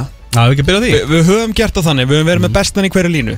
Besta markmör, besta varnamann, besta miðjumann og besta framherja Og síðan valið bestan út frá því Mhm. uh, Ákvæm aðeins að breyta sér Við erum bara með sjö bestu leikmenn Prísisson Og þar af topp þrjá Mhm. Þannig að ef við ekki taka bara í einhverju sérstakri röð Já. Þá fjóra sem eru fyrir neðan topp þrjá Sem komast ekki á topp þrjá Jú, gerum það. Gjör það Gerum það. Heyrðu, byrjum þar bara á uh, Helga Guðjónssoni, Vikingi. Helgi Guðjónsson verið reykjala flottur á, á Prísisson fyrir Viking sem að komst í áttalegusluti lengi byggarnum fjallu þar út, voru náttúrulega með leikinu mútið Keflavík í teskeið, mistuð hann er í jættiblu og töpuð í vítaspilnum keppni. En Helgi með nýju mörk í nýju leikum fyrir eh, Vikingana sem að þetta Já, þá sárvandar einhvern markaskóra eftir átt að Magnús fór. Helgi algjörlega óreindur þannig og unproven skulum við segja í efstu deild en hefur verið eh, bara með betri framherjum á undirbúinustímbilinu og, og markar ekkert talar, talar sínu máli. Hann er búin að vera flottur. Og vonandi tekur hann þetta með sér inn í mótið. Öflug, kröftugur strákur, öflugur og svona, það, það er gaman að horfa hann spila fótbolta. Mhm. uh, því að hann gerir alltaf að, það er allt 110% sko. En bara hvort að, svo mun komi ljós núna bara hvort að hæfileikarnir séu nægir til þess að uh, gera þetta í eftir deild sko. Nákvæmlega, hann ættir að haka bara við það. Nægilega góður fyrir, fyrir Pepsi Max Það, Já. er, það er spurningin. Uh, Talandi um marka rekord uh, Sævar allir Magnússon Fyrirliði leiknis og yngsti maður listans uh, Er uh, einnig þarna að sjálfsögðu Eftir áttamörk í fimm leikjum Í lengjubíkarnum Bara bar leiknislið á, á herðum sér Má segja. Sjá Og- markatölunni frá því að er ekki rétt mér, Já. frá að fara í áttalústlinn mm Já. Og þrjú mörk í fjórum leikjum held ég í Reykjavíkumótinu Já. einnig Hann með fleiri mörk heldur en spilaða leiki. Ekki amalegt. Sem er ekki amalegt bara magnaður og það var ekki á ástæðuleysu sem að öll stærstu leið landsins vildu fá hann í, í sína raðir. Mm -hmm. hann, hann uh, fekk úr úr því að velja sá strákur. Já, vandaði, vandaði svona aðeins upp á uh, það svona liðmyndi fylgjónum, ekki það að uh, liði gerði bara mátulega vel en bara vandaði að klára þetta, hann hefði svona verið svona einn af stjörnum prísi svona ef að leiknir hefði bara náða að móka sér inn í áþalúslitin sko, fengið einn útstáttaleik en hann var frábær. Svo er þetta einnig Rúnar Þór Sigurgjesson í Keflavík Mm. sem er búin að vera svona lengjudildastjarnar undanferðina ár búin að, búin að vera í liði umferðarinnar í lengjudildinni bara í hverju einustu umferð. Það er bara þannig. Það spilar á stöðu sem er svona oft mjög erfitt að finna í lið en það er endur ekkit út af því, hann er búin að vera algjörlega frábær í þessu keflavíkulið, hann tók nú ekki þátt í .net mótinu uh, þar sem hann var nú á, á hérna, reynslu uh, erlendis eðlilega en tók lengjubikari með trukki og dífu og kannski sérstaklega síðustu tveir leikinnir í lengjubikandum úrslitaleikurinn móti Ía í uh, Reykjanesöllinni til þess að sem var bara hreitn úrslitaleikur liðana um að sæti í áttalegurslundum það sem að hann læði upp uh, tvö eða þrjú eða eitthvað og svo var hann náttúrulega óstöðvandi á móti vikingi í áttalegurslundunum og læði upp öll þrjú mörkin fyrir eh, Joey Gibbs. Mm svakalegur svona sóknar bakvörður Já. Rúnar Þór Sigurgjesson og nú er hann náttúrulega komin í allt öðruvísi deild. Nú er Keflavík alveg að fara í meira varnarhlutverk. Nú þarf að verjast. Það þarf að verjast og, og fróðlegt að sjá hvernig hann mun, mun pluma sig. Já, en alveg lang besti leikmaður keflaði einhver hinga til sko. Nákvæmlega, nákvæmlega. Herru, svo er hann einnig eh, Jason eh, Daði Svanþórsson í breyðabliki Já, mósvellingur Mósvellingurinn ungi sem að eh, spilaði með afturöldingu í fyrra. Uh, svona, var svona svipað gert og með, með Vúk í fyrra þar þar sem að uh, hann fór í, fór í breyðablik en lánaði tilbaka út tímabilið í, í afturöldingu og hann er búin að vera stór skemmtilegur og kemur með svona, svona smá öðruvísi, annarkrydd, öðruvísi bragð í Já. Já, það er náttúrulega sko fyrst og fremst mjög óhrættur við að taka menn á og er eiginlega óstöðvandi ef hann fær eitthvað pláss maður og mann sem að Já, það sem að náttúrulega breyflísliðið er rosalega mikið um boltan og það þrýstir móturinn sínum rosalega aftalega á öllin það sem að er getur, eins og við, við fórum á breyflík í BVF til dæmis e, í, í lengi byggundum á hann og flöyti af það sem að Helgi Sig var nú svona sérstaklega í setni hálfleiknum bara með sitt lið á, á 11 metrunum, ekki á 11 metrunum á 15 metrunum og Já, ætlaði bara að loka á, á blikana og þá þartu einmitt, þá er ekki nóg að vera bara með boltan og hérna vera eitthvað voða í ykkur mörgum sendingum þá þartu að geta gert eitthvað annað og meira mm -hmm. og þrátt fyrir alla þessa flottu leikmenn sem að, hérna, sem að allir hafa staðið sig ágætlega að eh, að hérna hérna þá einmitt, já, getur hann tekið, tekið menn á? Og það er minna eins og mörki sem að var að skora nú undirbúinstímbilu, það er einmitt verið þannig sem móti F á þegar hann var bara að labba fram hjá mönnum og, og skora, þannig að búin að vera alveg hrikalega, hrikalega flottum strákurinn. Heldur betur, heldur betur. Já. og það er svona aðeins einmitt öðruvísi heldur en þessi strákar úr, úr, úr faktoríinu í, í smárunum sko. mm uh, Leikmaður sem að fær hérna uh, sem við þurfum að nefna það er Brynjólfur Willumsson Já. Og það er það sem að breyðablík vann fótbolta.net mótið sem er bara eina mótið sem að verið bara ganga snurðurlust fyrir sig Já, einmitt. það í fyrra og blikar í ár. Hann skoraði þrennu í úrslitaleik.net mótsins og, og kvatti síðan og fór til Norex Uh, það er svona, það sem við erum náttúrulega bara hitt upp fyrir deildina þá eiginlega svona horfum, horfum við svolítið fram hjá honum að sitja á hana lista. Já, það hefði verið mjög ofarlega Já, en þetta er svona ætlað mönnum sem er að koma Þú veist, við erum að krydda Pepsi Max dildina á, nákvæmlega. En sko Brynjólu allsins besta í Nóri Ekki og, spurning, og hann var frábær en þetta er svona, þetta, þetta er svona, þetta eru íslensk velun Nákvæmlega. Herðu, áður við förum í topp þrjá. Já, þetta er Helgi Guðjóns, Sævar Alli, Jason Daði, Mhm. Rúna Þór.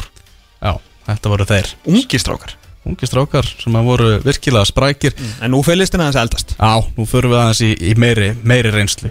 En áður en að það kemur á því Þá er, ætlum við að taka þjálfaran Byrjum á þjálfaran, áður en við topp 3 af leikmönnum Já, besti þjálfari undirbúinistímbilsins Pre-Season Awards. Við ætlum því miður gáttum ekki verið með gala hátíðisverðin okkar hér vegna COVID-regluna mm Mhm. Við erum ekki að, við ætlum mikið, við erum verið að bjóða upp á mat og svona ætlum mikið sameiginlega snertifliti Þannig að við komum velunum bara á þá setna meir Já, maðurinn sem er búin að vinna alla fótbolltaleikina á undirbúinistímbilinu Mhm. með að skora fullt af rosa mörg mörg og fá eiginlega ekki neina á sig.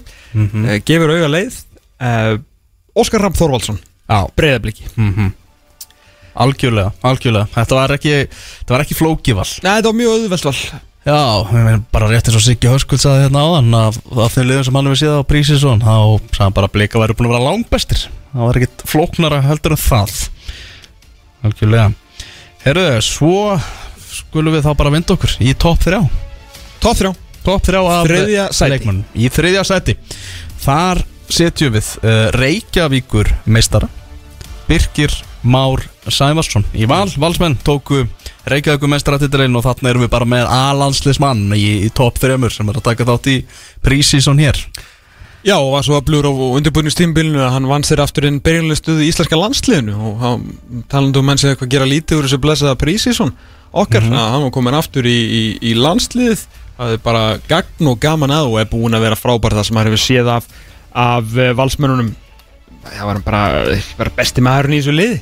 Algjörlega óstöðvandi fram og aftur uh, vangin og það er það er ekkert að hægast á hann og ef einhver er alltaf að eh, fara í einhverja barótt um það að vera þú veist, besti hæri bakurinn þá er þetta svolítið baróttan um næst besta hæri bakurinn Mhm. því að komandinn í móti þá engin breyk sko. sorry. Það er bara svolis það er bara svolis það er bara svolis Herðu, í öðru sæti á þessum lista maður sem að er að yngjast virðist vera. Herru já, Benjamin Taki. Já, Benjamin Tala kannski? Óskar Örn Haugsson skoraði hérna rétt áðan fyrir KR í 3-0 sigri á móti keflaði ekki búin að vera að skora og skora og bara búin að vera gjössanlega frábær. Síðan við þarna vorum svartsýnlu fyrir hönd KR-inga í fyrstu ótímabæru spánni þá bara sagði Óskar Örn ha-ha og bara er búin að vera í rugglinu góður. lól eins og Danni Laxett um árið. Já, nákvæmlega. Já, Óskur Hauksson er bara, hann er eilífur. Mm. Fyrst, það er eins og hann sé bara úr, úr mývarsveit sko. hann er bara eilífur. Þetta er, er ótrúlegt að að fylgjast með þessum uh, fylgjast með þessum manni. Náttúrulega var loksins valinn besti leikmaður Íslandsmótsins hér fyrir tveimur árum síðan uh, þegar kjárikandi pökkuðu saman dildinni og, og þá einhvern veginn hjælt maður já, það hefði alltaf verið, hefði verið í lægi ef hann hefði aðeins farið að slokka á sér. Mhm. Skilu. en hann verður bara hann vantalega fertur einhvern veginn að skera yfir á vinstur og setja hann í skeitin ég, ég sé ekkert annað í stuðinni Mhm, Það er þannig. En þá er komið að því Fyrsta sætið besti leikmaður undir búningstímabilsins kemur úr besta liði undir búningstímabilsins. Með besta þjálfaran Mhm. og besta unga leikmannin glemdum honum, Já. Jason Daði Svanþórsson. Mm. þannig að þetta er uppsóp Já hjá bleikunum Blika langt bestir og besti leikmaðurinn heitir Gísli Eyjólfsson. Til að mikið gísli Það er bara það þannig. var alveg svona af nokkrum að taka og aftur eh, með Brynjólf Anderson hefði náttúrulega verið ansið líklegur en, en svona hann datta hans úr contention bara því vorum að tala um leikmenn sem er ennþá á Íslandi í dag. Eh, Gísli skoraði úsluleik eh, fótboltum.net mótsins tók bara þetta þrjá leik í lengjunni skoraði rauf svona deadlockið á móti IBVF í, í mjög erfiðum leik þar sem endaði 2-0 þar sem að ég menn lágu niðri og hefur bara verið í, í, í fanta formi í frábæru blikaliði og væri óskandi ef að eh, já, hann myndi svona sína þessa takta síðan inn í mótinu því að þetta eru töfrar og krydd sem að deildin þarf bara að halda. Hann er búin að vera algjörlega frábær. Nákvæmlega, þetta maður sjálfsög áfram á fullum krafti að hitta vel upp fyrir Pepsi Max deildina eftir viku. Þá er stóri bara uppbytun og þátturinn hjá okkur. En nú bara verðum við að fara að skipta norður, á norður hluta Englands, hvað er að gerast í leik Newcastle og Vestham, Tómas Þór. Herri, þetta er búin að vera algjör vitlis Vestan fór 2-0 yfir í hálfleikin og eh, manni, nei fyrir afsakið Newcastle sprelli sjálfsmark frá Issa Diop og mark frá Joe Ellington rautt spjald og Craig Dawson þar í milli. Uh, Newcastle ætlaði að verða algjört Newcastle. Issa Diop uh, bættu fyrir mistökin mingaði munun í 2-1 á 70 og þriðju mínútu. Herðu, var vítaspilna, Jesse Lingard með 8, hvað er þetta ekki, marknum með 80 frá því að hann kom til Vestham uh, í stöngin á inn og Vestham mannufæri búið að jafna metin í 2-2 og meistaradilda draumurinn livði í þrjár mínútur því að Joe Willock var að skalla hann í slána og inn fyrir Newcastle 3-2 algjörlega bilaður hátegisleikur á uh, James Park Nákvæmlega, 84. mínúta Það er bara, ég sko, það njúkast klárita fyrir okkar mann, Benna Bóas sem er að fara að halda upp á 40 ára ammali sitt í, í dag maður sem að þið hlustendur kannast nú heldur betur við. Heldur betur og óskum við okkar manni uh, hjartalega til hann mikið myndaðinn Nákvæmlega, hann var komin í púp hérna fyrir háti samkvæmt örugum heimildum. Já, við erum sagt mjög örugum heimild og sko algjörlega, algjörlega verðskuldat við eh, munum að sjálfsög færa ykkur loka tölurnar og leik Newcastle og Vestam hérna á eftir. Við ætlum að fara að, eh, þetta er smástund að fara að vinda okkur yfir í spænska boltan við ætlum að eh, skoða eins hvað er að gerast á, á Spáni og margir sem að voru búin að afskrifa sinnitin Zidane en þeir gera það aðeins og snemma. Þú ert að hlusta á fótbolti.net á exinu 977 Ég segja ykkur það eh, 88. mínúta í leik Newcastle og Vestham og staðan þá 3-2 fyrir Newcastle. Við ætlum að vinda okkur aðeins í eh, spænska boltan því að það er svo sannlega spenna á Spáni. Alltíko Madrid sem virtist fyrir ekki mörgum vikum síðan vera bara komið með aðra höndina á spænska meistaratitilin hefur heldur betur gefið eftir. Og nú eru veðbankar að tala um það að Real Madrid sé einfallega bara líklegasta lið til að hampa uh, spánarmeistaratilinum á þessu tímabili sem er náttúrulega svakalegt. Uh, það munar hérna bara einu stíi milli liðana þryggja Alltík og Madrid, hvað er ekki með 67 stíg á topnum Real Madrid með 66 og, og Barcelona með 65 mm, Þegar að eh, öll eru búin að spila 30 leiki. Þetta er alveg rosalegt. El Clasico náttúrulega sem var eh, síðasta lögataskvöld þar sem að Real Madrid náða að vinna þetta. Real Madrid búið að slá síðan út Liverpool í meistaradeildinni. Þannig að það er ákveðin gleði í gangi hjá sinnetin Zidane og félögum og uh, fyrir á tímabilinu marki sem voru bara gjósanlega búin að afskrifa franska þjálfanan Já, ég held að það eh, kannski var ekkert sérstaklega sniðu þeir eru náttúrulega með eh, þegar maður sér bara þessa miðju Toni Kroos, eh, Casemiro og uh, uh, Luka Modric sem að einhvern veginn ákvað allt aftur bara að fara að spila eins og gullbolta séu Vá. eða gullbolta hafi. Já. það er, þetta er mjög hérna, já, eins og svona í blandallu Vinicius Junior sem að kannski svona já, var, var ansið góður í þessu, þessu mestradildar en við allavega En á línunni er harður stuðningsmaður Real Madrid, Mikael Marino Rivera sem að missa nú ekki af leikja á Madridar liðinu Blessaði Mikael Sælir. Hefur bara fyrsta, fyrsta spurning. Hvernig bara Hver er svona munurinn á, á árunni kringu Real Madrid núna og bara fyrir, fyrir nokkru mánuðum síðan? Já, þetta er náttúrulega stór breyting, mikil breyting, og þú sagðir hann í inngangnum náttúrulega, hann var allir búin að afskrifa þessa deild, þetta var bara búið, þetta var bara eins og Englandi, bara verið sitt í og allir tíku var búin að klára þetta, þetta var bara spursmál, Simone, Simeone var að fara að klára þetta með sínum, mm -hmm. en svo bara, þetta er ótrúlegt, þetta búið að fylgja viðsnúningur og alltaf þessi, alltaf, eins og maður fylgist bara með sítan, sko, Mhm. ekki að karakter, alltaf þetta yfirvegun þetta bara, við bara spilum okkar leik við gerum bara okkar, meðan allir hinn er enn á raskandi og klúra sína þá siglir hann alltaf bara áfram. Mhm. þannig að það var mjög góð hæg breyting, þannig að maður er búin að vera bara nokkuð, sáttu við með sína menn sko. En hvað, svona, hvað gerist aðeins svona aðeins ánum fyrir mig real hjá, hjá samborgurum ykkar í, í atletíku eftir að vinna bara einasta leik í röðir er með fjóra sigra í síðustu, ég veit ekki, tíu leikjum eða eitthvað sko, þeir reyndar ekki að tapa mörgu leikjum en þeir eru bara alltaf að fá, fá, fá jafntölu, Játtöflin, já já, var, var ekki innistæða fyrir meira, er þetta meðsli eða?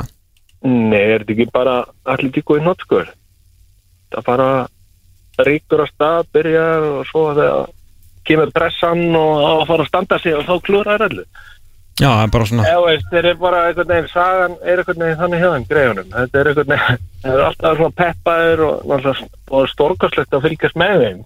Mjög skemmtilega, harðir og ástriðuföldu uh, þjálfari og allt þetta sko. En svo bara einhvern veginn þegar kemur að loka sprettin, alveg saman þó að sé húslitaleik í mistrastildinni eða í dildinni, þetta verðist allan að vera að vera þetta munstur síðust á. Bara Mm. alltaf verða bara bensilus og jú, eitthvað meðsli og það þannig, en það er allir að glímaði meðsli og það er ekki bara þeir, sko. Og svo hefur kannski svona ekki alveg ekki alveg stíi skrefið sem að vonast eftir sjá Felix, þeirra náttúrulega vonast stjárn og einn mest spennandi ungi, ungi leikmaður Evrópu sem átti svona kannski að vera já, svona taka meiri ábyrg kannski í liðinu núna og vera, vera meiri leikilmaður en hann hefur orðið, nú er þetta bara þannig að hann á ekki lengur fast sæti í, byrjunleginu einu sinni.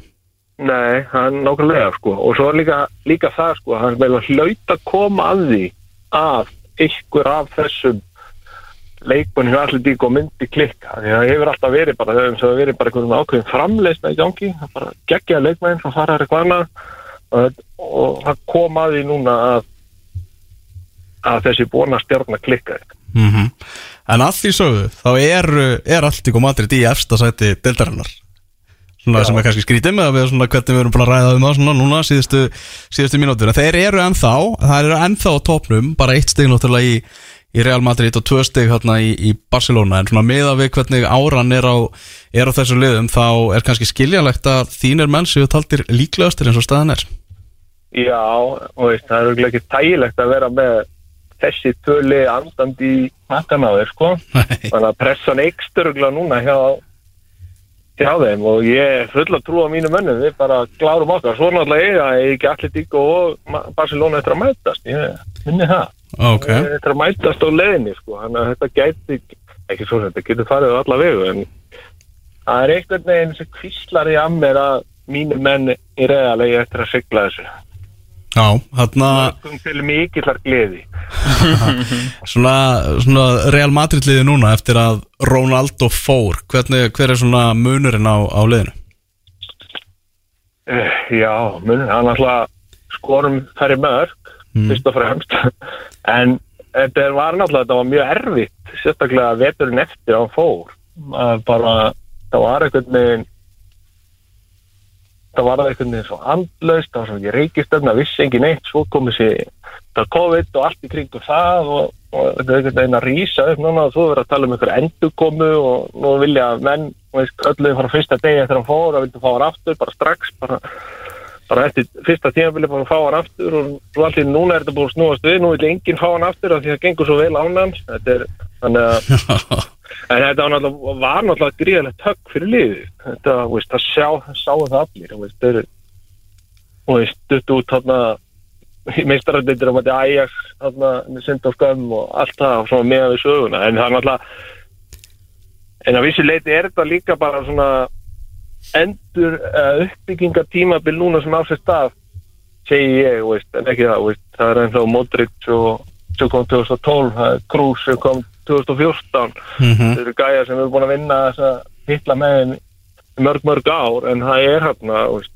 fullt af ungum veist, Valverde, það er Vinicius, Rodrigo og svo náttúrulega Benzema bara búin að rýsa upp núna, Mhm. síðustu tvö tímabil sérstaklega, það er bara geggjað núna, Mhm. bara algjörlega frábært Svo er, þannig að við erum svona erum að jafna okkur á þessu já, talandi líka um unga leikmenn það er einhverja sögursæknum það að svona, að Martin Ödegard sé í plönunum framtíða plönunum hjá, hjá Real Madrid ætli, ætli sér ekki að að selja hann til Arsenal Já, það verðist vera, veist, þá það er bara ánægilegt, þetta, veist, þetta, þetta hefur ekkert oft, verið, eða bara, ég man ekki eftir því síðan ég fór að fylgjast almennilega með þessu, þetta hefur aldrei verið eitthvað, nú, nú ætlum við að keira á eitthvað og byggja upp á okkur ungu leikmenn, fá það að snemma til okkur og byggja það upp og þannig.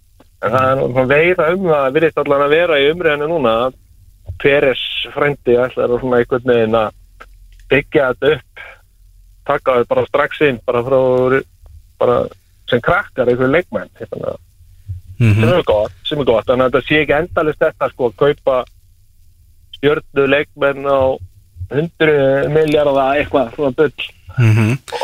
en ég er samt alveg til í að fá Mbappe og einhverju fleiri sko Já. Ég. Já, ég er ekki að segja ég er til í að keira þetta reyðalið á Vinicius og Rodrigo sko, ég er alveg til í Holland eða meira til sko. Já, já maður náttúrulega er ennþá þessar myndir af Mbappe þar sem hann er lítill drengur í, í herbygginu sínu með eitthvað Real Madrid plakkut upp á vegg og svona. Maður er svona hugsa maður hugsaður ennþá að það sé svona einhvern veginn skrifað í skíin að einn daginn þá verði hann eitthvað svona nýr Galactico hérna hjá, hjá Real. Já, ég held að hljóta að vera. Og veist, ég, einhvern veginn eins og þú segir þetta er einhvern veginn þannig að eins og sé maður finnur það svona einstinn að þetta sé lungu fyrirfram ákveði að sé búið ákveði þetta og svo er það eitthvað svona einu af þessi að segja hitta þetta í fjölmilur sko, veist, maður það er alla líkur á því allavega. þannig að veist, og ef hann sérstaklega vinnur ekkert með PSG núna þá er hann farin held ég mm -hmm, Þú ert þarna bjart sýtna á að Real Madrid klári þetta í, eh, á, í La Liga en hvernig, Já. En hvernig er tilfinningin varandi meistaraldeild Evrópu eftir að þeir eru búin að slá út uh, Liverpool? Og þetta líka bara svona sangjant og, og sannfarandi Já, það var það sko, það komið óvart sérstaklega í fyrirleiknum hvað Leifból voru góðir og hvað Leifból, nei, hvað Real voru góðir og Leifból lili. En, en jú, eða veist og svo, þetta er bara þannig á þessu stigum í þessari deild og getur allt gerst. Og ég einhvern veginn hef verið að skrúa niður væntingarnar hjá mér sko, það verður ekkert of fara, fara of langt fram úr höfnum mér sko, en og það er einhvern veginn ég er eitthvað pínus meikuð Chelsea. Það er einhvern veginn allir eitthvað, ó, hefnir það vildi einhvern veginn allir fá Chelsea af þessum fjórum eða þú stillir þessu upp. Ef maður stillir upp þessum fjóru liðum. Og þú ert að segja veldu eitt þá myndi allir velja Chelsea. Mm -hmm. það, þú veist, en ekki það. Ég það er reynslu mikið lið þjálfarinn veit alveg veist, hann maður hefur einhvern veginn óbyrlandi trú á honum eftir allt saman. Þú veist, bara eftir allt sem hann er búin að gera. Þetta er hann þá ótrúlegur þessi, þessi náungi sko. mm Þetta er sítanska ró þetta er, hugtak sem ég fann að taka upp hjá svolum mér sítönsk ró. Það er bara með sítanskri ró.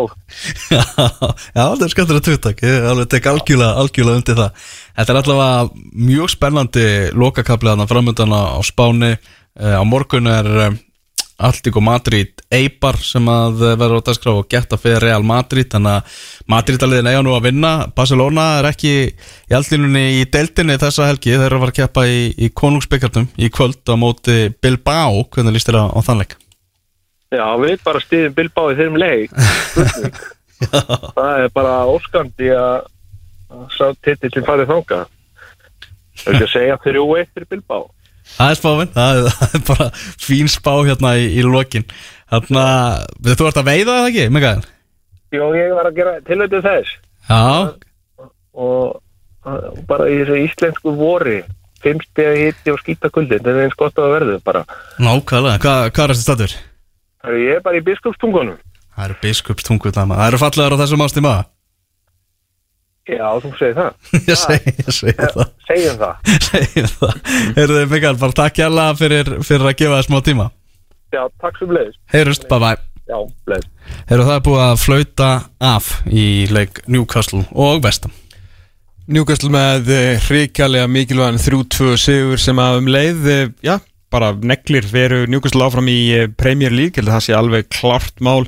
Þeir eru að liftast upp í 15. sæti deildarinn sem mjög fyndin pæling einhvern veginn, eru núna nýju stigum frá falli, fúlam á vissulega, nei fúlam á ekki leikti góða, þetta var raun og veru því að fúlam er alltaf að leika á, á undæðum, hann að Newcastle verður áfram að samaskapi er þá Vestham búið að tapa fyrsta leiknum, eða öðrum leiknum í þessari umferð Uh, náttúrulega fyrst að vera í gæri Everton Tottenham með 55 stig Chelsea á þá uh, er fyrir aftan og Liverpool er með betri markatölu þannig að Vestham getur eftir umferðina verið dotti niður í uh, sjötta sæti skal ég segja þér sko.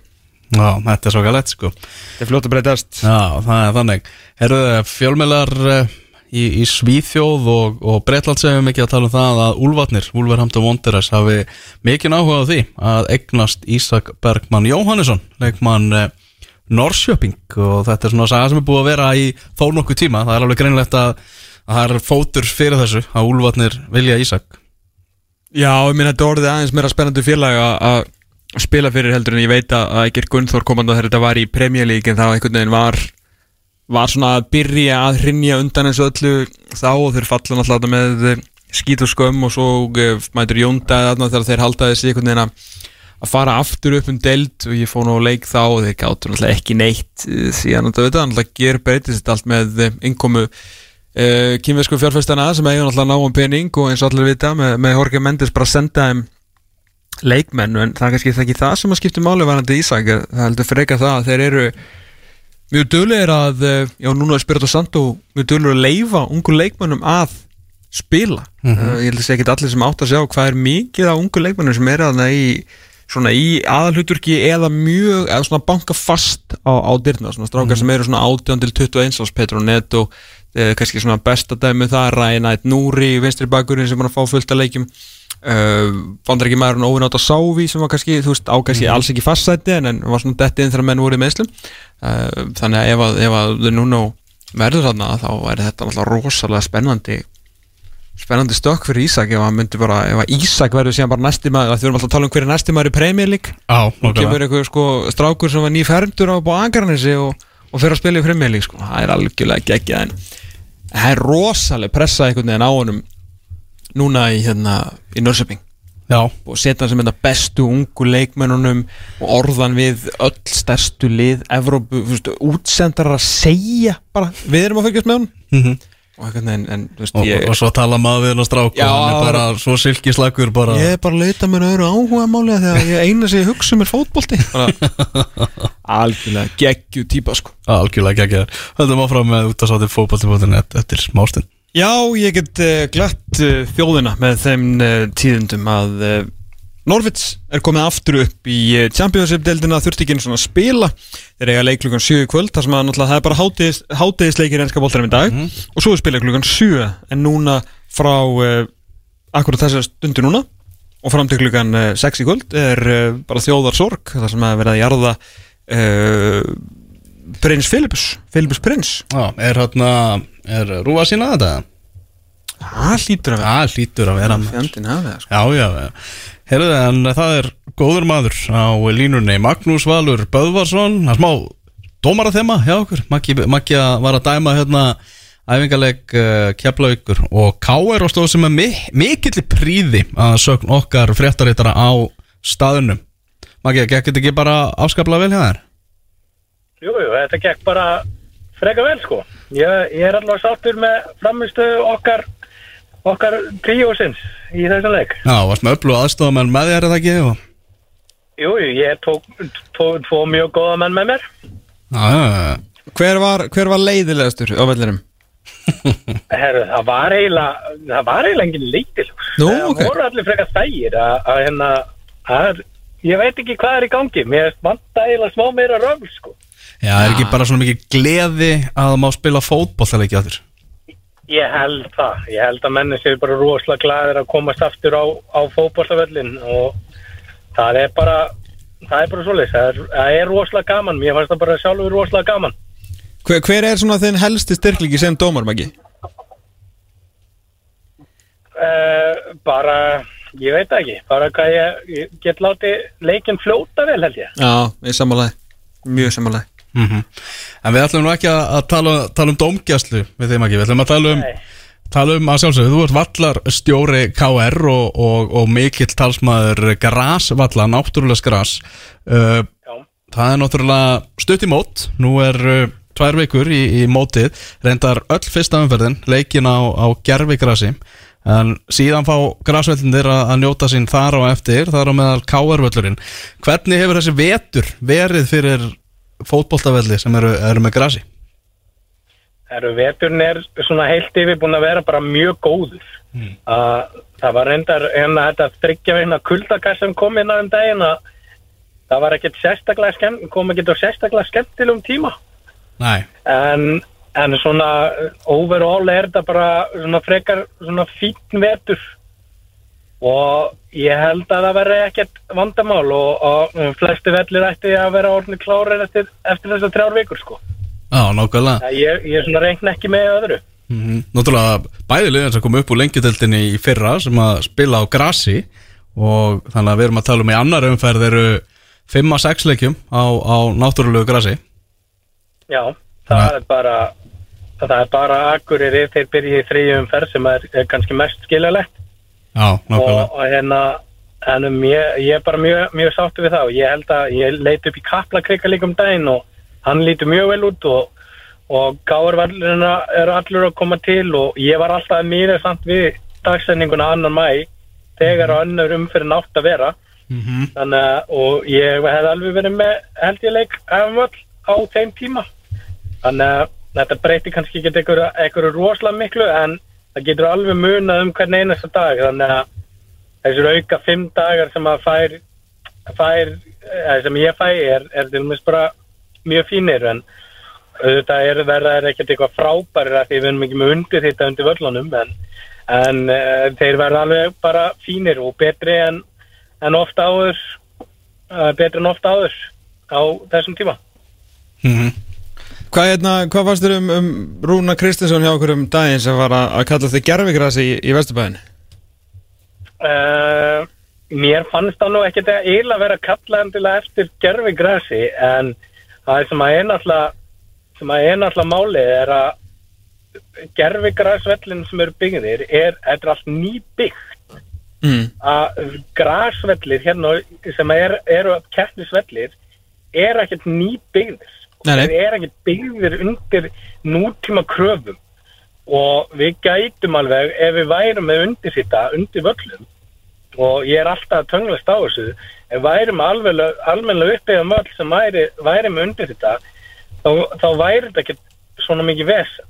Það væri alveg hægt að byrja á þessum tíma sem er byrjað og hægt að spila alveg út oktober uh, út hana hana okto, út oktober Mm. Að hérna, það væri ekkert vandamál það er þetta náttúrulega ljósa búna náttúrulega til að lýsa, uh, til að lýsa upp jú. hana, sem er á öllum gerfugræsullum en það er bara engin peningur laður í græs Nei, nei. og það er bara sorglegt skilju En er hérna, eða væri undir, veistu hvað uh, svona uppbyldunar kerfi, undir hittunar kerfi nota mikið? Nú er þetta í, er þetta ekki Kópói og, og já, var á, á hérna, hlýrenda fyrir ekki þegar þeir skiptu en maður svona, á þess að vera með tölvutna frá veitum að þá svona heyrðis mann ofta eins og þetta var nú ekki mikið notað. Undir hundakerfin Já, sko, uh, ég get sagt að þegar ég var í Kópói já, að þá vorum við venjulega að kveikja á hítanum kannski svona uh, í februar ok. Og þá vorum við venjulega með kveikt á, á undirhutunum bara februar, mars, apríl og kannski mæ að fóri daldi eftir veðri. Ok, og að hérna þannig að það var ekkert langur tími þar sem vorum með kveikt á undirhutunum með, en, en ég er minna þú sér til dæmis með gerfigrassi gerfigrassvelli, Mhm. þá ertu með kveik, eh, kveikt á völlun bara oktober, november, desember, janúar, februar, mars, apríl skilur það sem að er hiti undir þessum völlum. Já, en með græsvelli þá byrjar kannski að gera þetta í februar og, og ert með það kannski að, að mæ Mhm. þegar rosleft í veðrinu. Og það hefði verið hægt að kveikja undir þeim aftur sem bara fyrir september og oktober mánu líka sko. en það var ekkert gert eh, við gerðum það reyndar aldrei. Nema bara eitt skipti þegar við vorum að, eh, þurftum að undirbúa hafa völlin okkar kláran svo var hægt að æfa honum fyrir umspil. Já, það er að króa þetta mötun Ísland Króatja Já, já, 2013 já Hvað eru margir svona íslenski grasvellir í dag sem eru með undir þetta? Það eru Þórsvöllur og Akureyri með undir þetta. Það er undir þetta í Álasvöði. Uh, ég held, ég er ekki alveg klára á því hvort það sé undir þetta á Selfossi. Mér minnir að hafa verið sett þar. Er ekki keflaðið? Mér minnir að hafa sett í keflaðið líka. Já, það er keflaði kalli já. Eða þeir tóku upp en- og settu spreyjarn á svona En, en aðrir vellir eru ekki með undir þetta. Ok, ok Þannig að þetta eru, eru fá, mjög fáur vellir. mm En vallar aðstæður það er eftir ekki að, að búa til neitt vesen hérna í, í upphæðumót sérstaklega það sem þetta frestast um, um nokkra daga? Nei, nei, núna skiptir bara máli fyrir þá sem eru vallastjóra á græsvöllum að að setja núna að dúka á í eina, tvær vikur og, og, og hana þá bara svona að halda, uh, halda hýta og, og auka, auka vöxtin mm -hmm. í, í völlunum vegna þess að þetta er lítur alveg freka vel út. Algjörlega Er það eru góð, góð, góð tíðindi Maggi, bara takk fyrir þessa skýslu Já, takk, kærlega. Heyrjumst, bye bye Ef það skiptir einhverju máli þá heyrur það á fótbolta.net Eru það stór tíðindi úr uh, íslenska boltanum og mjög leiðileg tíðindi því að Tryggvi Rafn Haraldsson, uh, leikmaður valsmanna sem ekki ekki ræði vals núna fyrir, fyrir tímabilið, hann var að meiðast og þetta er eitthvað, eitthvað fótbrot sem að gera það verkum að uh, samkvæmt fréttum, þá ætti hann að vera frá jafnvel bara í tvo mánuði Já, samkvæmt uh, já, því sem að uh, þú varst að fá sent að þá er hann frá í átta vikur um tvo mánuði þannig að þetta er nú ekki gott fyrir, fyrir valsmenn mm -hmm. þannig að það er frálega að segja hvort að valsmenn verður bara svara þessu með einhverjum jafnvel leikmannakaupum núna bara strax í dag eða morgun. Nákvæmlega, nákvæmlega. Er, þetta verður leikið svolítið þétt þarna upp á því mót og þetta er alveg drjúgur slatti af Íslandsmótunni sem að, sem að Tryggur um Haraldsson er að fara að missa af. En talandu valsmenn þá uh, eru bara einhverjar nokkra sekundur eftir af uh, óopnbjörnu leik meistara meistarana það sem Íslandsmeistararnir og ríkjandi byggameistarar Vals og Víkings Mhm. er eigast við uh, það sem staðan er 2-2 já, vantarlega í þeim leik sem að tryggur meðist Já, var hann að spila á hann? eða? Var þetta Já. ekki eitthvað gamalt eða? Heldur þú sem er gamla fréttir? Nei, þú veist, hann geti að fara þú veist, á spítalinn í gær, fattur Já, ok Heldur þetta sé bara að hann hafi startað á hann, það verður þetta að vera áhugavert hann hefði meðist í þeim leik Já, uh, já þetta er bara glæði nýtt Þetta er glænýtt, já, ok, hann hefur bara farið út af hann myndur Herruðu, hann hérna uh, Blói Tómasson og Karl Friðlefur með mörki fyrir Væks en ég bara hef ekki haft upplýsingar um það hver er skoruðu fyrir val síðast yfir sig var staðan 2-2 þar og það verður ekki framlengt og ekki farið í vítaspilningkefni heldur. Og liðin á alltaf bara sættast á það að vera bæði algjörir mestarar og koma þannig inn í mótið. Nákvæmlega. Það er mjög típist að ég var að setja saman uh, Fantasí liðið mitt í gær Draumalist til degabita og, og að sjálfsögðu hendi ég Tryggvar Ráðni Haraldsinni í, í liðið. Þannig að hann mun, ég mun kaupa hann að sjálfsögðu strax aftur um leið og hann verður heill og, og leikfær. Já, Sendum batakveður á hann. Heldur betur. Heldur betur Nó að leikjum í, í gangi og það verður eitthvað Ég held að þessi breyðarblik fylgir á morgun og eitthvað. Framara runnu þeir ekki FH í gær?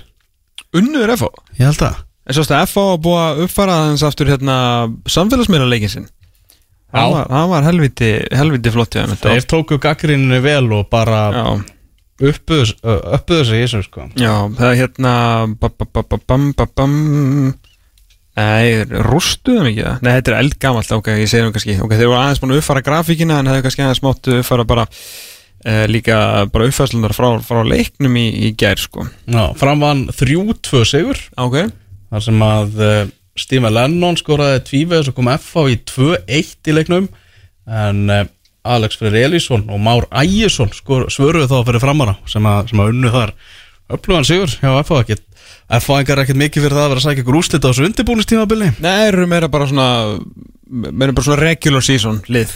Já, nokkulega Þannig sko þeir bara kveiki á sér þegar að, þegar að mótið fyrir hins vegar á stað sko. Já, nóg er allan búið að tjálta til í þessu, þessu fótbolltalegi sko. það eru með ansi, ansi glæsilegan eh, mannskap. En já eins og við sögum aðan þá var nýja Selfoss í, í æfingarleika á Selfoss 2-1 þar sem að Selfoss komast yfir og Káir pakkaði saman Keflavík. Mm -hmm. og það er staðfest að mettist í leiknum tryggvi. Ok, Já, það er þannig, heyrðu það er uh, stemming og stuð í þessu. Herru, eru við ekki að fara á æfingarleika? Ætlum við ekki að taka fyrir það? Jú, tökum hérna, það er, Þetta er nú bara beint hérna, þetta er bara bakarinn nákvæmlega, það er þróttur káaf, víst að byrja bara núna klukkan tvö, hérna bara út um klukkan hjá okkur. Já, ég er að horfa á menn vera hann að klára síðustu mínúndar í, í uppbytun þannig að við tökum að það fyrir og sjáum hvernig stemningin er. Þróttar að hafa meðaltals mörg í leikjum hjá þeim núna á Prísson hafa verið svona 6,3 þannig að við erum von á, á partístemningu heldur betur. Sjá líka okkar manning og sig Já, algjörlega, held, en, en ekki á meðstæðlistanum núna held ég? Nó, ok. Ég held að hann er vondið í stúkunni, þá hittu hann. Já. Þá getum við talað við hann og svona skemmtilegu Sá líka sem þetta Greta Sif finnur sér að spila á svona.